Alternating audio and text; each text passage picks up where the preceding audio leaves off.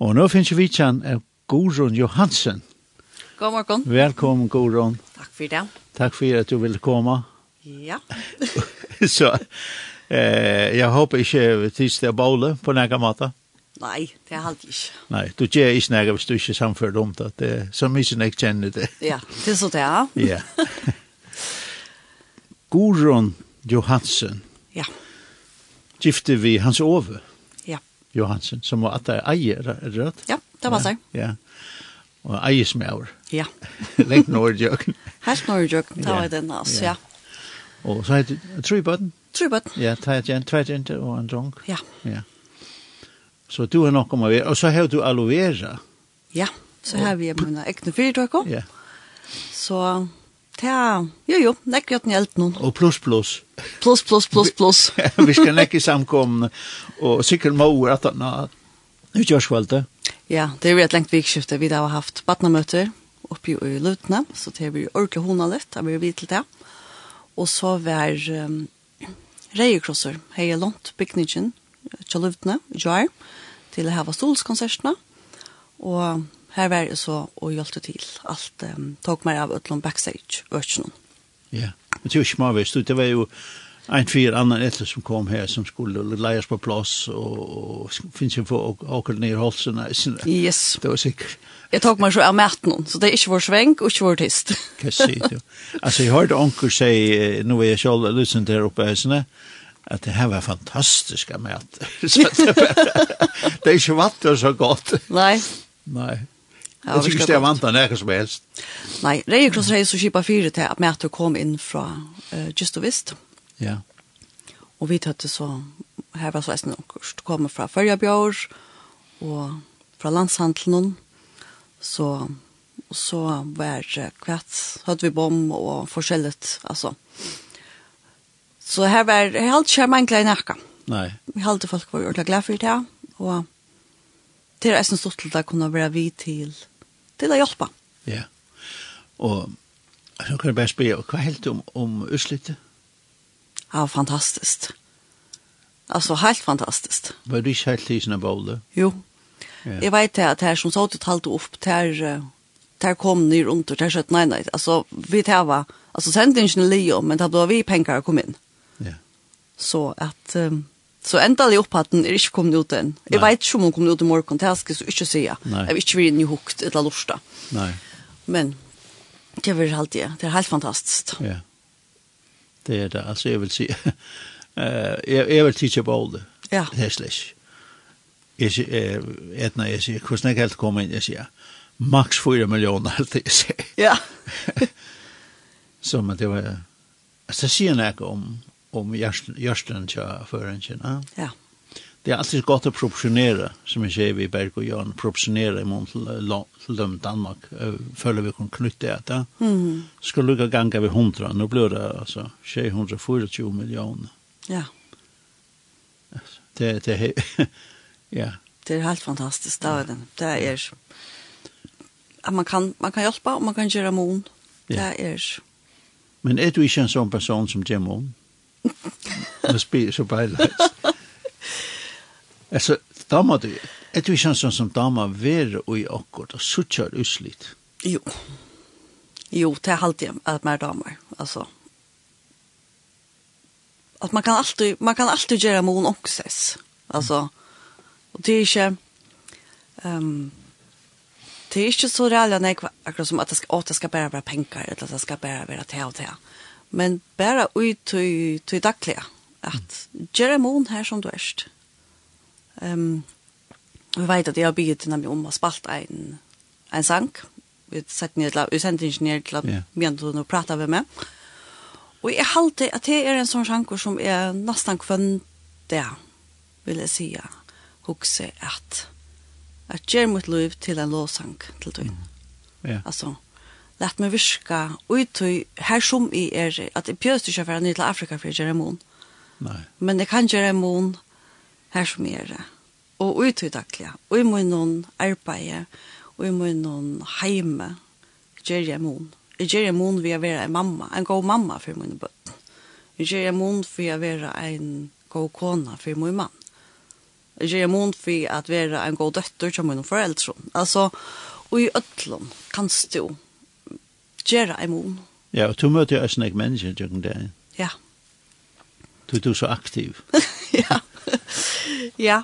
Men jeg snitter her alltid at du først, um, bare til at du først til handels et eller som jeg pleier å si, eisen vi lærer røyne hvorfor lærer bøttene kommer. Altså, hikk opp.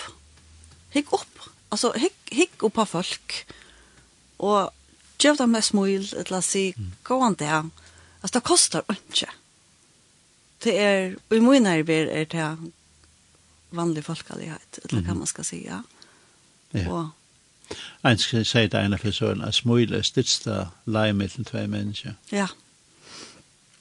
I, i måneden, hit kjenner man eisene. Mm. Ja, det tvører og... Ja. ja. Og kanskje, det er ikke om man har en årsøk at det er så leisene. Ja. Så ikke ønsken er født, så løsne. Nei. jeg tror vi det. Jeg har bittlet meg innan vi dødt født, en små ulla varen. Hvis du ikke er pinket på at i vøkene, at du ikke på det, du sier bare bla bla, eller noe så. Så smuler det jo alt dette. Ja. Så snar vi nok født, altså. Men så hender forskjellig och dere lov, va? Mm. Og til sjån er sin tvinnløyve. Vi er forskjellig. Ja det kommer vi alltid till. Ja. men men han det här nämligen att möta människor vid en smula. Mm.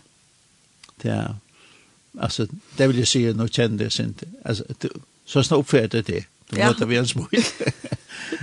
alltså stort å møte det. Eh tog du heva det smula her. Ja. Praktfullt. Ehm um, på et tidspunkt alltså du er født och oppvaksen i Havn. Ja. Ja, eller Høyvøy kanskje skal man. Høyvøy, ja. Nå skal man. Jeg Eller mest til Høyvøy kjenka, det det er like dette at det skal være Høyvøy. Du, det har vi faktisk lagt mest til, men jeg halte jeg vil omgang til Sjolver, så. Så det har halte ikke, jeg vil ikke være tann typen på fall, at Nei. At sagt jo jo til er i Høyvøy, det det har vi ikke haft. Jeg vet ikke hvor det skal være så. Nei. Sunt, ikke ordentlig havna folk, men Høyvøy kjenka. Ja. Ja. Og Uh, hvordan var barndom her oppe? Det her var jo, da du var barn, da var vi jo knekk, knekk minnen til henne der. Det er helt nekkan. Altså, er det blivet det. Da jeg vokste opp, da var du vet, det var nesten så at her han sier utenfor husene til åkken. Ja. Bygg vi var uppvuxen i Åndegøtta. Det var ikke nekk bygd da, det var heller ikke nekk bygd med Lingilja. Og här var fåglor alltså det var ju hejlarna vi var för nya mot böntan här på inte efter pison och ja alltså här som det inte är snäck väl tog ju det? Tog ju att här snäck bikt ja. Så så här är vuxit extremt näck här uppe i höjden ja bönnen det är vattnaskör och det också det. bönter som ligger här uppe är det så lösna. Bönter gärna ja ja. Och det var bara inte alltså bøyen til hånden, at det var jo bare hinne med veien til det. Ja, altså vi gikk oss enten igjen, så var vi oppe på bøndene. Ja. Altså vi gikk om mål og alle stans rundt om her på en. Så jeg vil si at det er at selv om man sier, å ja, men man er oppvoksen i havn, eller i høyvøk, altså det var, det var som nesten som man vekste opp ut i bygd. Det her var så frukt, det var alt, altså. Ja. Men før dem så var man ut. Ja. Og man spalte ut. Ja. Altså man spalte, kan man si, øyne og, og, og og alt mulig, og, og, og i bøyen til bøndene, og leite etter skora pyser, og det var det. Ja, ja, ja. ja. Krakungar og alt mulig. så det var faktisk som en, en bygd. Ja. Ja. Uh, det er, det er sunt for bøtene. Ja, altså, vi, jeg har vi har haft ordentlig godt der oppe. Ja. Stort trivest, altså, og i øtlån alt. Og så kontrasten i det. Ja, det er altså store måneder. Ja hvis du kører ned fram vid Høyviga kyrkje, snærer ned nå her? Alt det var, um, var heie, fra Egypt skola.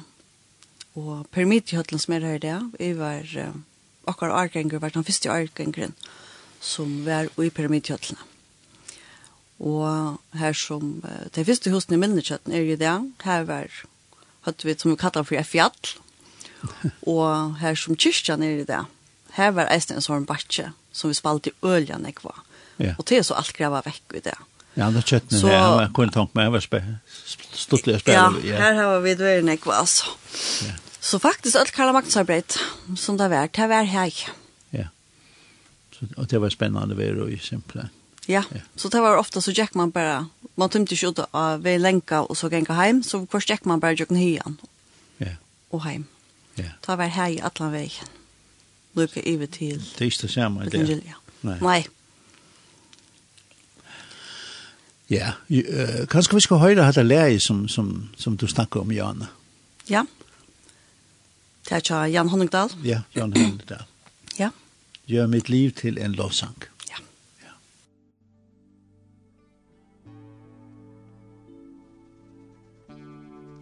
Gör mitt liv Till en lovsang till dig, Fader. Lav är tonen, lyder ren och klar. Ta mitt liv, gör det slik som du vill ha det Jeg vil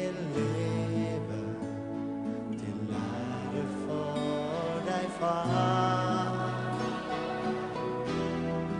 Jeg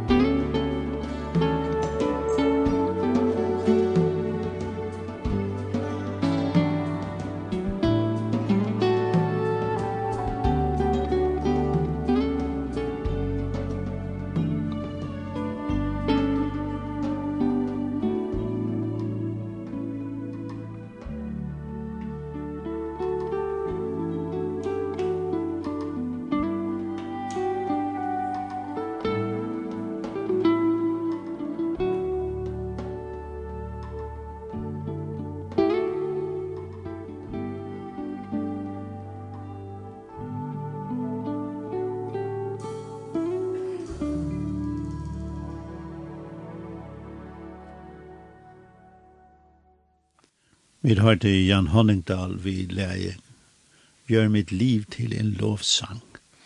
Og det er det som du har hørt. Uh, og den samkommen Jack Wita, det var jo Asne. Han var ofte her. Han var rolig ofte, ja. Yeah. ofte av påskastevnen og sånt. Og jeg halte at han er en sånn som vi alltid har dømt. Ja. Yeah. Altså, sannsene til noen. Jeg halte der, der henger bare vi, som han sier. Ja. Ja. Ja. Ja, så oppvaksen og Asne, og som tar vi i Høyvika skole, at det var Brunel, ja? Ja, det var det. Du sikkert vi her, ja. Her har vi vært nekv, og så tar vi i hans over så kom sammen, så får jeg, da så blir det ikke kjelten. Ja. Ja. At det er synd det køyre, da kørt man rundt, det var ikke noe tunnel. Nei. Nei. Nu har han så gjort tunnelen, så det er godt. ja, ja, han er bara språk, det er bara språk. Ah, ja. Ja. Han els, elskar vi visk. ja, jeg sier det, jeg halde grunden til han dama som vel har vært tunnelen til tog at uh, ta god skapt i alt. Ja. Så var det han som satt av fest. Ja. Og han sov seg annast. ja. Ja, ja. Ja, jeg var sjål her på et tunnel, så var det ikke her, men i Grønland, og, og da man så språngt, og det var så nok spennende å vite, hva kan man, man se det, kan vi kvarstå så rævlig flotta gråte kjem ondt, Ja, ja Vi tar en nekk for sånne steiner hjemme i tjocken. Ja, ja, det kom ta med. Det er är spesielt, altså. Det glider alltså man tänker hva er dette for några mitt inne i. Mhm. Omgivet er svårt om kjeli og uh, poknet gråd alltså sitter knappt en sånn diamant mitt inne i. Där som man kvätsch man Altså, Alltså goda bestand. Ek ek, det skal ligga här så där. Så så blir ofte också. Jeg har ju en så standard. Ja. Men sleipa det heim og grølla. Ja. det er et eller annet vitt av meg. Ja. man har funnet så Petter, så var man her. ja. Men uh, på et tidspunkt så flyttet jeg til Danmark. Ja. Ja. Uh, det, var det synes jeg en, en omvelting å komme i flætlandet? Ja, det var, det var nok så spesielt. Altså, som man sier, å flytte og Men han så vi hur arbeidsrande i utlandet nå, så at um, Så jeg får faktisk nyer for nyr vi, vi uh, noen, som tar vår og tvei og tre år. Og jeg får lære vågjere til helse og røktere. Så vi var faktisk nere i tre år. Det var, altså, det var en deilig tog. Um, Halte man brøytest øyla negv at man faktisk fer sjolvor av sted, og man ikke hever altså, familie og alt rundt om seg Mm. Att man att man skapar sin egen familj och ständer och egen bein och hur man ska förklara det. Att yeah. um, fall de som har bo är ständes, de vet att det snackar om. Alltså yeah. det synd inte att förklara det är man att man inte vill vara här i förgrundet men man, man, i allt man bröjtes på en annan mat. Mm. Tror att uh, man gör tingene som man själv vill ha det, och här är ju input från nökron och uh, og i familjene etla viner på tammatan jeg kom inn i ditt liv så du, du skapar faktisk ditt egna. Ja. Angen sier så og så skal det være. Nei. Nei det er som bestemmer. Det er som setter peisen. Ja, ja. Så, ja. men det var eisen fint. Pappa, han sikler, så hver jeg fyrt av vi pappa kom nio år, etter at han får heim, så stekka han alt i, og i ena natt tjåkon. Ja. Så, så det føltes heller ikke så lunge. Nei. Utla. Og mamma var reisende. Hun kom reisende ofte nyer, jeg vet ikke. Ja. Langst. ja, det, men det var ordentlig deilig. Jeg fikk først arbeid til han sove den ikke, og jeg var i skola, så at det hjalp jo det vel. Det er et langt finnes i bøtene. Ja, ja, ja. Naomi var um, tre, og Saranja var tvei. Da vi flottet nyer. Ja. Og vi ble så nere i tre år. Ja. Funnet til nære samkommet, kan gå i? Vi kom inn i kultursenteret, ja. Yeah. inni av Dreiervei, og vil ikke si at, jeg, at vi kom så nekva sted. Ja. Men, men ta jo vi for jo, så får vi det her. Det var en stor kontrast av er som, som og Asne jo vært faktisk en stor familie eh så som du kom från. Ja. Man man kände kvar annan och man delte ting när så ja. Det kommer som en främmande plats. Ja, faktiskt tar vi fullt ner ta jinka vid luften. Och så er det fem luften. Ja. Ja. Tror att ehm ja, vi börjar faktiskt att gänka här. Tror att han sov i arbetsnack i utlandet och jag tömde så att köra några till själv. Vi små om botten. Och och mamma och pappa våre i løvdene. Ja, så det naturlig. Og det var her i havn, så det var, det var neglattar. Ja. Det var simpelthen bare køyre ned igjen. Ja. Så, så jeg platt jeg bare vi ta, og vi var jo i, ja, var faktisk vi langt, og da vi i løvden var i versta noen Vågen. Ok, ja. Her som det blir ja. Ja. Og så får vi til høygarskola, så tar vi faktisk, tar løvden var i høygarskola, tar var det vidt for nykker. Ja. Men det så kom så, få en samkomme kulturhus eller hva så heter mm. ja. Så det var ikke det samme. Slett ikke. Slett ikke. Du kommer inn der som pura fremmedår, og det er um, det er noe annet. Men uh, her var det en sånne konferanser, sånne kvinnekonferanser, en fra Mare. Og det var det så vidt til, det var det utrolig glad for. Det var det um, virkelig oppbyggende vikskifter at vi var vidt til. Ja. Ja. Hva er några särliga häntingar som, som du har fortällt om i Danmark? Um, alltså man snackar om ta i um, ta i falske for iver om Jordan. Att Josva säger vitt där, att tack steinar ur ånda och sätta som värra. Då jag tar det kom i Rom och utla ta i bötterna tjat ikon för att spyrja och attalin i attarna så skulle det visa akkurat som henne verran, akkurat det vær som god gjør det. Ja. Og jeg tykker at det er på samme måte i okkara løyve, at vi har imenska verrar i okkara løyve, her som vi kunne hytja atter og, og um, jeg var utfyrt i beint åren vi flott og heim, at det var innbrott til okken, og jeg var ensamøll, ødel, vi gjent noen, eller da hadde vi så finnes Samuel, og det vil jeg si at altså det første, altså det er hur hvordan reagerer man til man råd för et rimbrott? Altså vil si at det første som jeg sier det var shit, det er rimbrott altså. Men neste tanken var at det skal ikke få lov til å legge mitt liv. Og det tredje at det var at som kort og simpelthen som en skøva plata på her i høtten om det var det der at det er ikke å kunne gjøre så blå. Mm Og um, Og faktisk vil jeg si at det ble så snar at, at jeg tenkte at jeg skulle rinja, akkurat som jeg måtte rinja til hjelp. Men, men jeg visste faktisk ikke om hva jeg skulle rinja. Det var nok så snedtått. Altså, til jeg tenkte godt ut, jeg får ut at det beina vi er. Altså, du var inne da innbrottet kom? Ja. Ok. Jeg var inne i kameran vi i bøtten, og ta notten og så, og så ødel bøtten inne i kameran. Så det var ordentlig godt. Um, Og jeg tenkte, nei, jeg ringte til han sova, er ikke. Han var i Norra, ja. og det var midt om nattene. Og jeg tenkte, her er, altså, god til bare til hun som kan. Akkurat som, du stendte faktisk, jeg vil si at det ble en sånn stedfestelse i munnen og løyve, at, at god kan alltid hjelpe deg. Han er, han er han som alltid er her. Mm -hmm. Så, skal jeg forklare det? Um, Han var den eneste som jeg kunne vente meg til, og i hæsar støvene, og som kunne um, halda sin hånd i meg. Og det tror jeg er fullt og faste på at han gjør det. Mm. Um, og selv om det var det så streve og ringt at han var. Altså, det er ikke til, altså, jeg halda, jeg, oh. jeg halda til at ha uvidt bya til godt og at man man hever detta her at han hever allt det i hånd og han passar på åkken at det er ikke nekka at man akkurat som ja men så klarer jeg alt. Altså ta mest stadvekk fysiskt og på kroppen så att han så jeg var veldig la fyr i at han var ja, mentalt sjokk. Ja, ja. At, at, um, at kroppen reagerer. Men men jeg vil si at jeg at Aloika hej är en jeg vet ikke, en viss om til at han, at han passer i bakom. Ja. Yeah.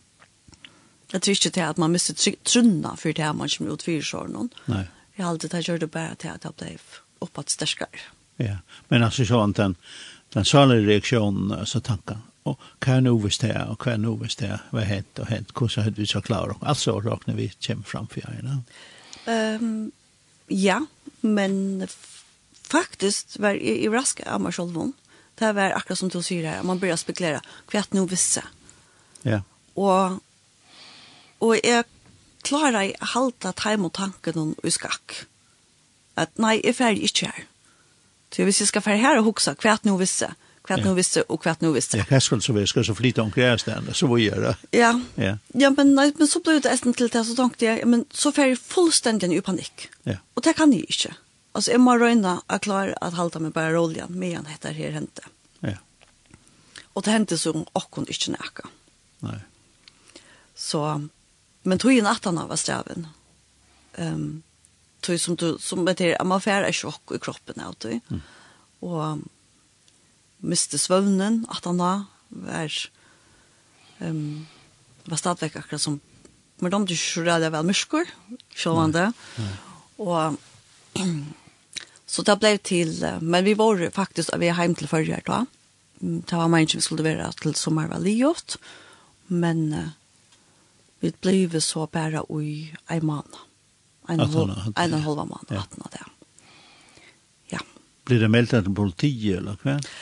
Ja, det blev, det blev, jeg ringte så til mamma og at han var tvær timer men det alltså jinko in i chocken faktiskt två timmar och 20 minuter.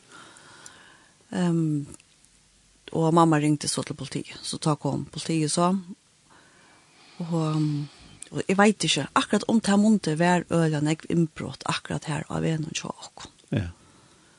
Så men det blev omgång till som man säger från ju där för ett lanaka. Ehm um, Men du fick eisen vitjan av politi? Ja. Ja tar kom til. Og det er ikke sjåvan eisen. Kan ja. bli politister inne og gynne at jeg kan få, kanskje fingeravtrykk, og jeg vet ikke hva.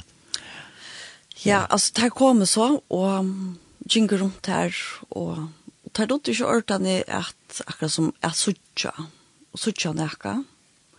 Um, men nabekvinn kommer, hun kom så iver, så sier hun, freta, hei vita til at jeg er impro, så hei ringt.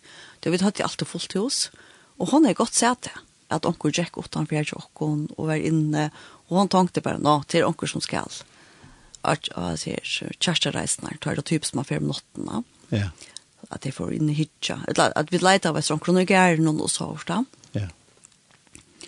Så, så det var, jeg vet ikke, en obeheilig henting, ja. Det var det. Ja, det må det være. Men, uh, Men jeg var sånn så snar at, nei, jeg får ikke hjem. Han så vel gjerne at jeg skulle fra hjem. Ja. Til han var sånn til i Norra.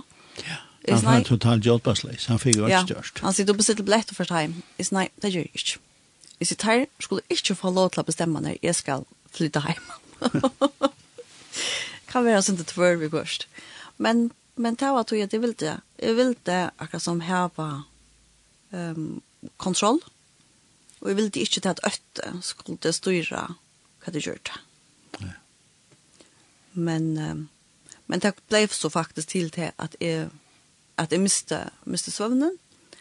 Og, og ta vær så snart. Vi skulle til Luka vel hjem. Jeg sier godt til, vi færre hjem. Og det var så tvær måneder, at han var etter, til en og halv måned. Ja. Da miste søvnen, sier du, altså, til, til, og ikke sjølvanlig å det er jo jeg ikke kan sove, så, så er alt det er nå. Mm -hmm. Og i spøna her, nok sagt. Ja. Vart du livet lese da? Ta var livet lese. Ok, ja, men allukka ja. vel, altså, det er jo... Ja. Uh, fikk du nega hjelp for det? Nega, nega bjøde terapi, eller hjelp, eller samkommen, eller... Nei, jeg søkte... Um, jeg søkte meg selv om hjelp, bare når vi 18 år etter her, snakket vi omkring en et verf halvtid, et langsjåret. Og så annars halvtid så har vi bare jeg har snakket når vi familien og sånt om det. Ja. For at akkurat som få det ut. Ja. At det var, altså, at det var en virkelig snetig henting, altså. Ja. Men, men jeg vil si at, jeg, at så har vi så kommet til førre og ta, vet ikke, ta vi vår kommet med alle minne på plass så var det akkurat som att så får dette här bara i bakgrunnen. Ja. Så det er hevet är det bara väck. Ja. Det huxar ju inte alltså det huxar slett ju inte. Nej. Nej. Du säger det var et lær som här står tutning för det da, I samband vi hade här. Ja. Det var en sanger til Matt Redman. Han är nog så nödvändig til det. Han heter 10,000 Reason. Och og det som er damer så rælig vel vi er som sannsyn, det er at um, at nye leie sier, altså bless the Lord of my soul, at worship his holy name.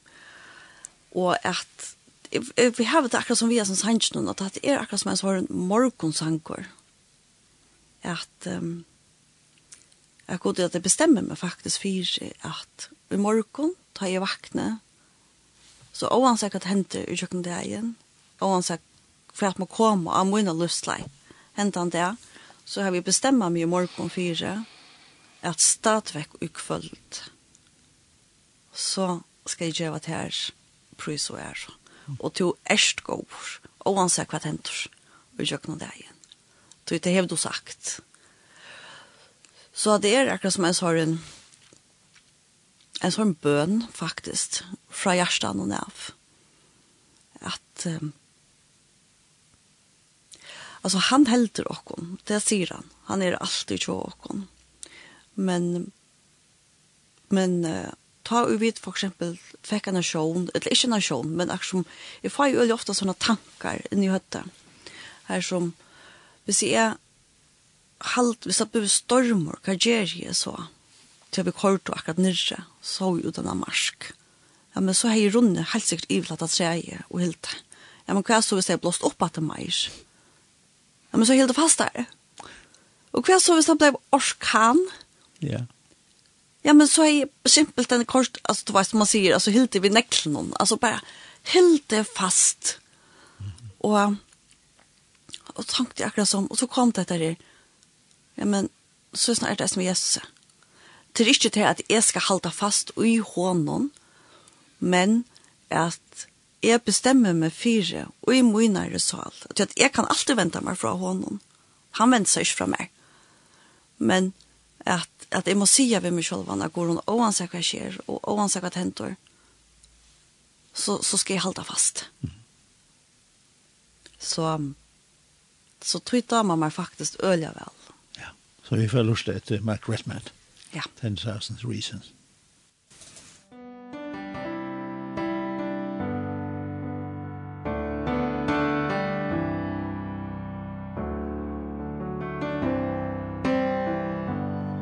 bless the Lord, oh my soul, oh my soul, worship his holy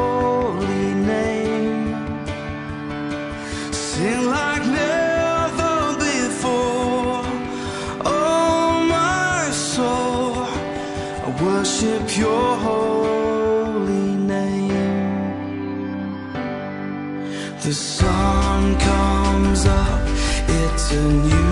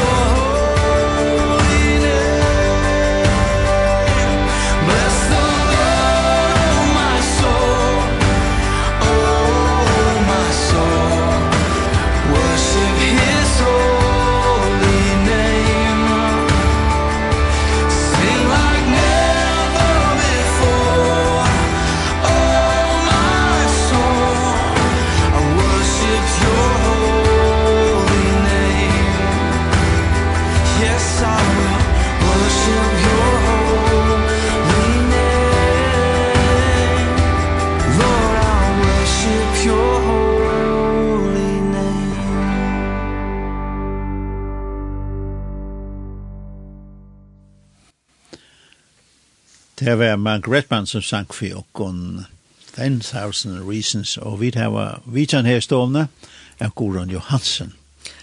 Preben, jeg må fortelle deg, han som sankren her, han ble spaltor så nekv, at Samuel til okken, at det første sankren som han tog til Sintra. Okay, ja. Han sier, han sier, om hans hold. Bless the Lord om my soul. Så det ble om my soul. satt han og sang i våknen noen, og tar han check inn. Så Så han har han nekra før. Ja, ja. Ja. Stått litt. Ja. Um, de kommer så hjem til förger. Ja. Og du blir jeg bare vi vad blir du som heimarøkner? Ja, jag får et arbeid och Oj, spänn nu. Låg är det eller vad? Nei. jeg får simpelthen arbeta vid hemmen, ja, hemmen, vid människor här. Okej, på ett annat. Ja. Ja. ja. Så tok um, arbeidet nekve i vakten, og han sov var stadvekk i Norra og arbeidet. Så, og vi stod til at vi får bygge hus. Så jo, jo, takk for det, akkurat som det skulle. Full trøn. med vil trimma bøtten, så. Yes. Det var og en mann som arbeidet nekve og nekve vekk, så ja. ja. Han elskar å være ute åpenbart, han elskar utforskninga. Ja, jeg halte det. Ta ja. den, altså, han, han tog meg så rævlig vel at alltså han tog mig så jag väl arbete. Det är ordentligt stort. Ja. Fast kan jag nu nu tunnel sprang till jök nu all det var livet. De man finna en annan en annan tunnel. Simpelt än. Ja. Nå hade vi så vi så vi spår men men att han tog så så att vi får till herran det det blir så starkare att det som du upplever i Danmark att det som du får förklara och kom. Ja. Och du blir mer ska man säga avhengig, my freak. ja. Ja, jeg halte til at Løyve lærer okken, jo jeg så redda gommel, men, men um, jeg hitja i bergspekla, så halte jeg til at ja, så sørst du faktisk i jøkkenen, jeg, eller til så ikke jeg, i jøkkenen alt mitt liv, at, um, at alt det som jeg har vært utfyret, og alt som jeg vil oppleve, at så suttje godt i backspeklen at han hever veri vi, sjålt om um, kanska ta ut det steg på nekva situationer eller at han, han, er, han er alltid vært her, akkurat som han kommer, hvor, yeah. hvor blei det så så lesnar, han kommer god til, til vars der, om er kanskje ikke helta. Ja, en utanför standardkontrakt, de snakket om, om inbrottet her, alltså kun ha sagt tusen spår var så kul lovt han att kul lovt han att kom in och lut alltså man kan finna på allt möjligt som man säger. Mm. Eh så gott är det går. Ja. Alltså men men du ser det var det här. Men det kom inte här som är var om vi må in i botten. Ja. Och och han gjort mig Jörgen Scholz med komma en kreppe. Han gjort mig sen Jörgen där. Mm. Alltså du väntar där liksom vi och, ja. och säger god gåan i Ötland. Ja. Ja. Det är ju alltså sterska gudstryck va? Ja. ja. Men men alltså han har helt inte lov att kunna att Louise ska bara vara lätt. För det om vi tycker vad han. Nej, han ser han ser faktiskt att vi skulle gå en som inte som han. Ja. Och ehm um, som är hej jag ska förklara. Vi ser du nu i hej söndagsskolan den ena dagen. Så ser jag visst det visst det mån att det ser jag som en lekman av borre. Och så at dette er hvit. men Jesus han lover at han alltid passar på åkken. og så koppar han en glase om han iver lekemannen. Lekemannen kjente stadigvæk, men han bare finner ikke beskyttelse rundt om seg. Oh, yeah. Men det betyr ikke til at glaset ikke kan forska seg, og skumpe under okken, etla til at han larmar nir av glaset, og det blir opp i heilet. Men inni ui, hever han lov okken en fri, yeah. som alltid er der. Og han sier hva skjer, vi okkar av løyve. Ja. Sint uh, sint sætna i løven så så so, fart so trupleika, sjuk sjuk uh, rikt trupleika. Ja. Jeg har vi alltid haft trupleika bei vi knøvn og rytsnum til til alt det så. Altså. Og så har vi har vi teacher um, um, en ivedosis av pandilprofen, og så har man arbeidet av seg, og så rives det. Ja. Yeah. Men det var så ikke hesfer. Det var bare vestnøye. Og det ble faktisk til til at jeg ble uh, sånn kjent. Um, det har funnet ikke det jeg har valgt meg. Ble kanna fire forskjellet. Ble kort hjemmerskanneren og seteskannere og ja, ja. Det, men ikke visste hva, hva det var som var galt. Så det var det var faktisk nok så strave, vil jeg si. Tungt, tror jeg vi får i gang til å bygge hus. Og det var ikke akkurat som det optimale. Nei. Tror jeg. Tror jeg på bøtten. Ja. Mer som er bortstyrn også, nei? Da var han som kom hjem. Ja. Da var, um, da begynte han faktisk at arbeid i Estrøtunnelene. Men uh, da jeg tar arbeid, så arbeider um, skiftvakter og i perioden så han arbeidet nekv, og så var han så heima, men da han var heima, så små han hos. Og ja, jeg la for det meste i sånne, og, og jeg tenkte bare ok, jeg igjen jo, en dag sen. Så det ble øyne jeg var atter, altså jeg var som, ganske som vi har nekv i versjon og sånt, men jeg halte ikke mer, er det mer av i sangen det var ofta att han strof han var alltså one day at a time sweet jesus Ja. Alltså, jag mer bara alltså sist att komma jag kan hämta det igen. Ja. Inte morgon eller en annan dag, men alltså jag måste bara komma jag kan ut det. Och så må vi hoppa och be efter att morgon blir bättre. Så det var faktiskt det som vi kort på. Ehm um, det var inte så som hjälpte. Det penodila och downlike. eller eller oberstärskar ting. Det hjälpte helt inte. Det hjälpte helt inte. Nej. nej jeg tok sterskere, det fikk jeg, men jeg ble så ytla fire av det, at uh, jeg valgte helter at lette være, vet du, tog at um, hvis jeg ikke tok det, så kunne jeg ikke annet litt av sovne, et eller sånne, og så lå vi til å låse søver, et eller rønte hver fall. Selv om jeg har bøtten lagt merke til det, det er slett ikke det. Men, men jeg rønte så godt som jeg kunne, altså, at uh, det er bare så ganske litt inne i kammeren og be at jeg kommer med en bok eller Leie meg av sujene, så lå det i rockna og, og i sånnsjene. Ikke det opp som alle, ganske som man vanligvis gjør, men akkurat som, men ok, men så gjør jeg det på enda maten. Ja. Så, um, så det var faktisk en, en straventøy, det var det. Ja. Og um, så var det så snart, altså jeg grintan kommer, be meg anbefale meg for å til en, um, som har haft onkur skeier i fyrrjon av bonyrre. Og ta passa seg så snart vi får faktisk nyere kjøpa køk. Så jeg får nyere, ja vi får nyere november måned.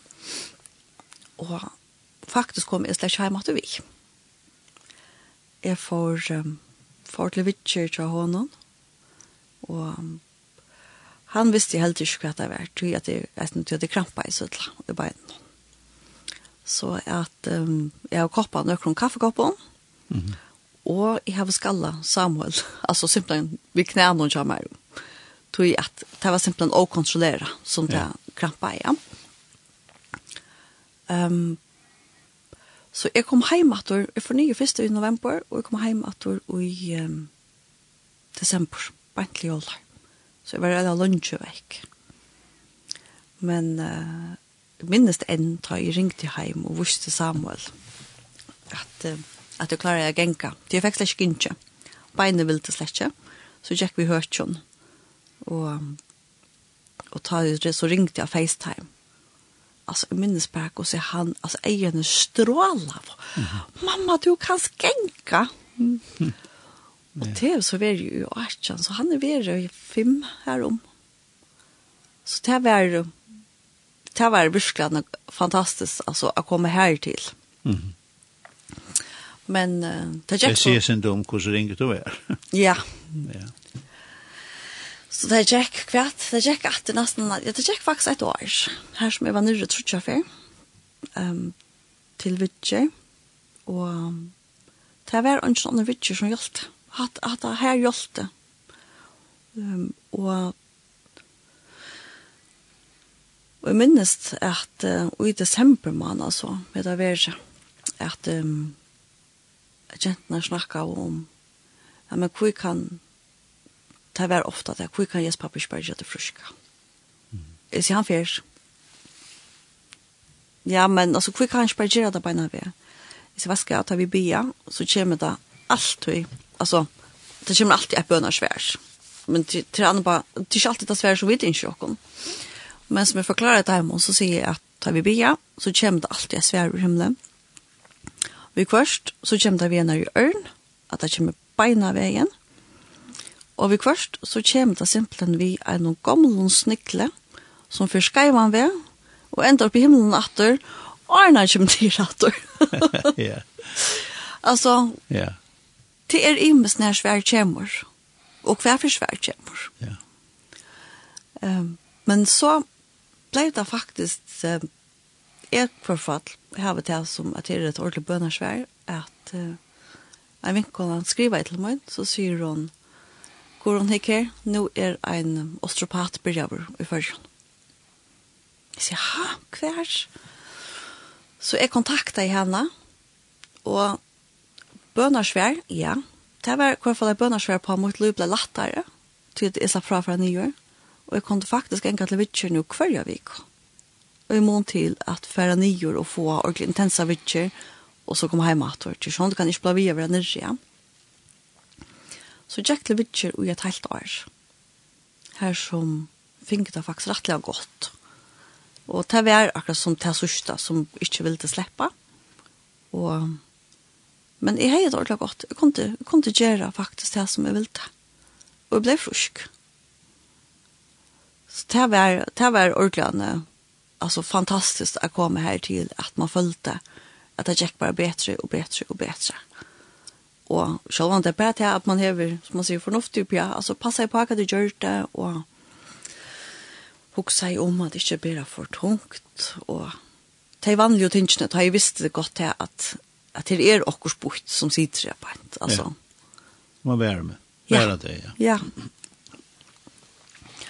Så og så vil jeg si at så alltså, hej alltså en fantastisk upplevelse inne i kältena at här som jeg vil si att at jag blev ordentlig grøtt Det var um, en stämna med et, et vikskifte här inne och här som det blev snack om hela antan.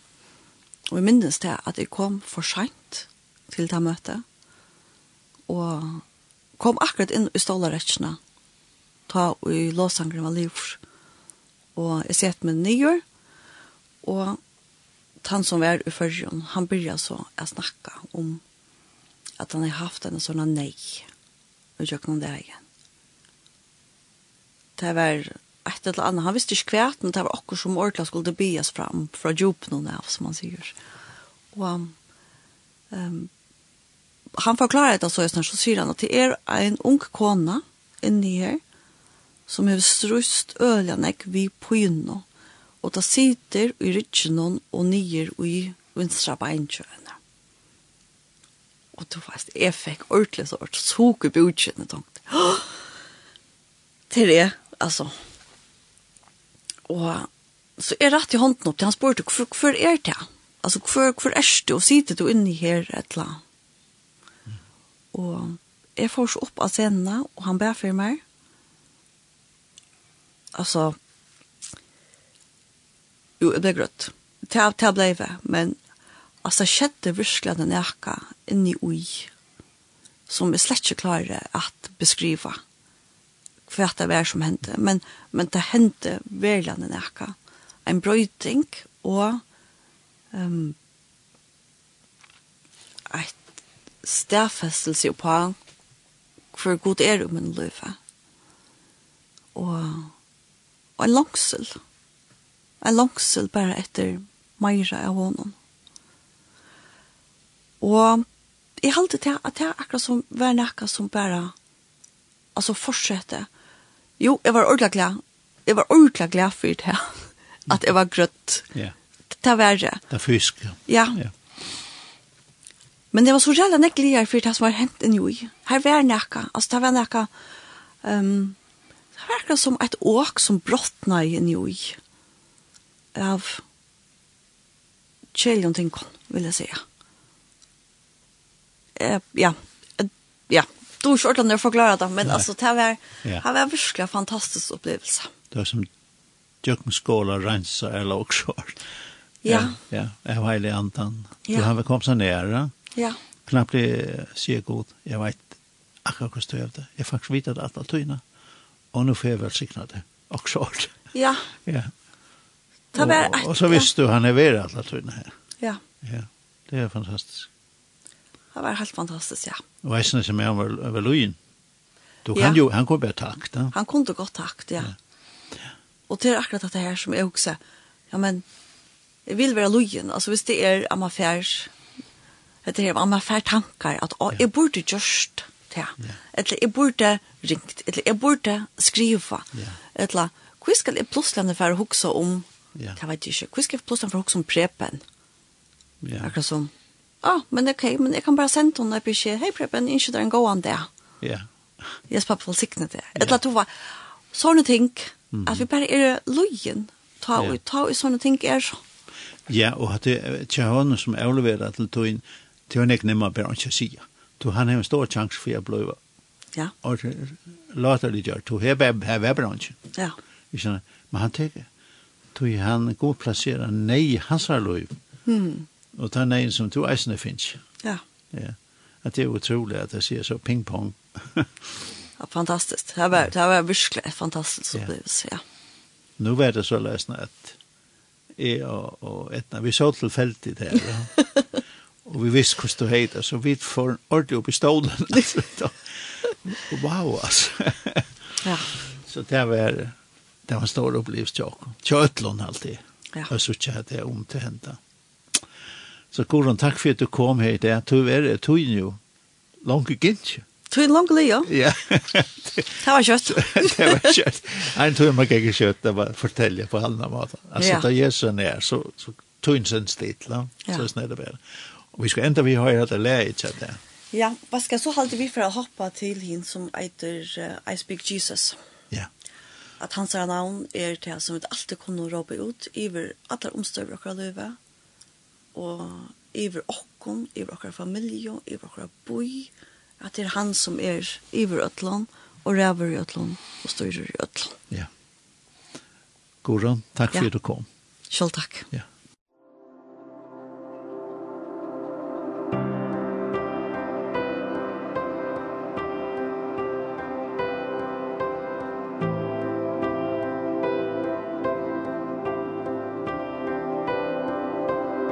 just want to speak the name of Jesus. Over every heart and every mind. Cuz I know there is peace within your presence. I speak Jesus.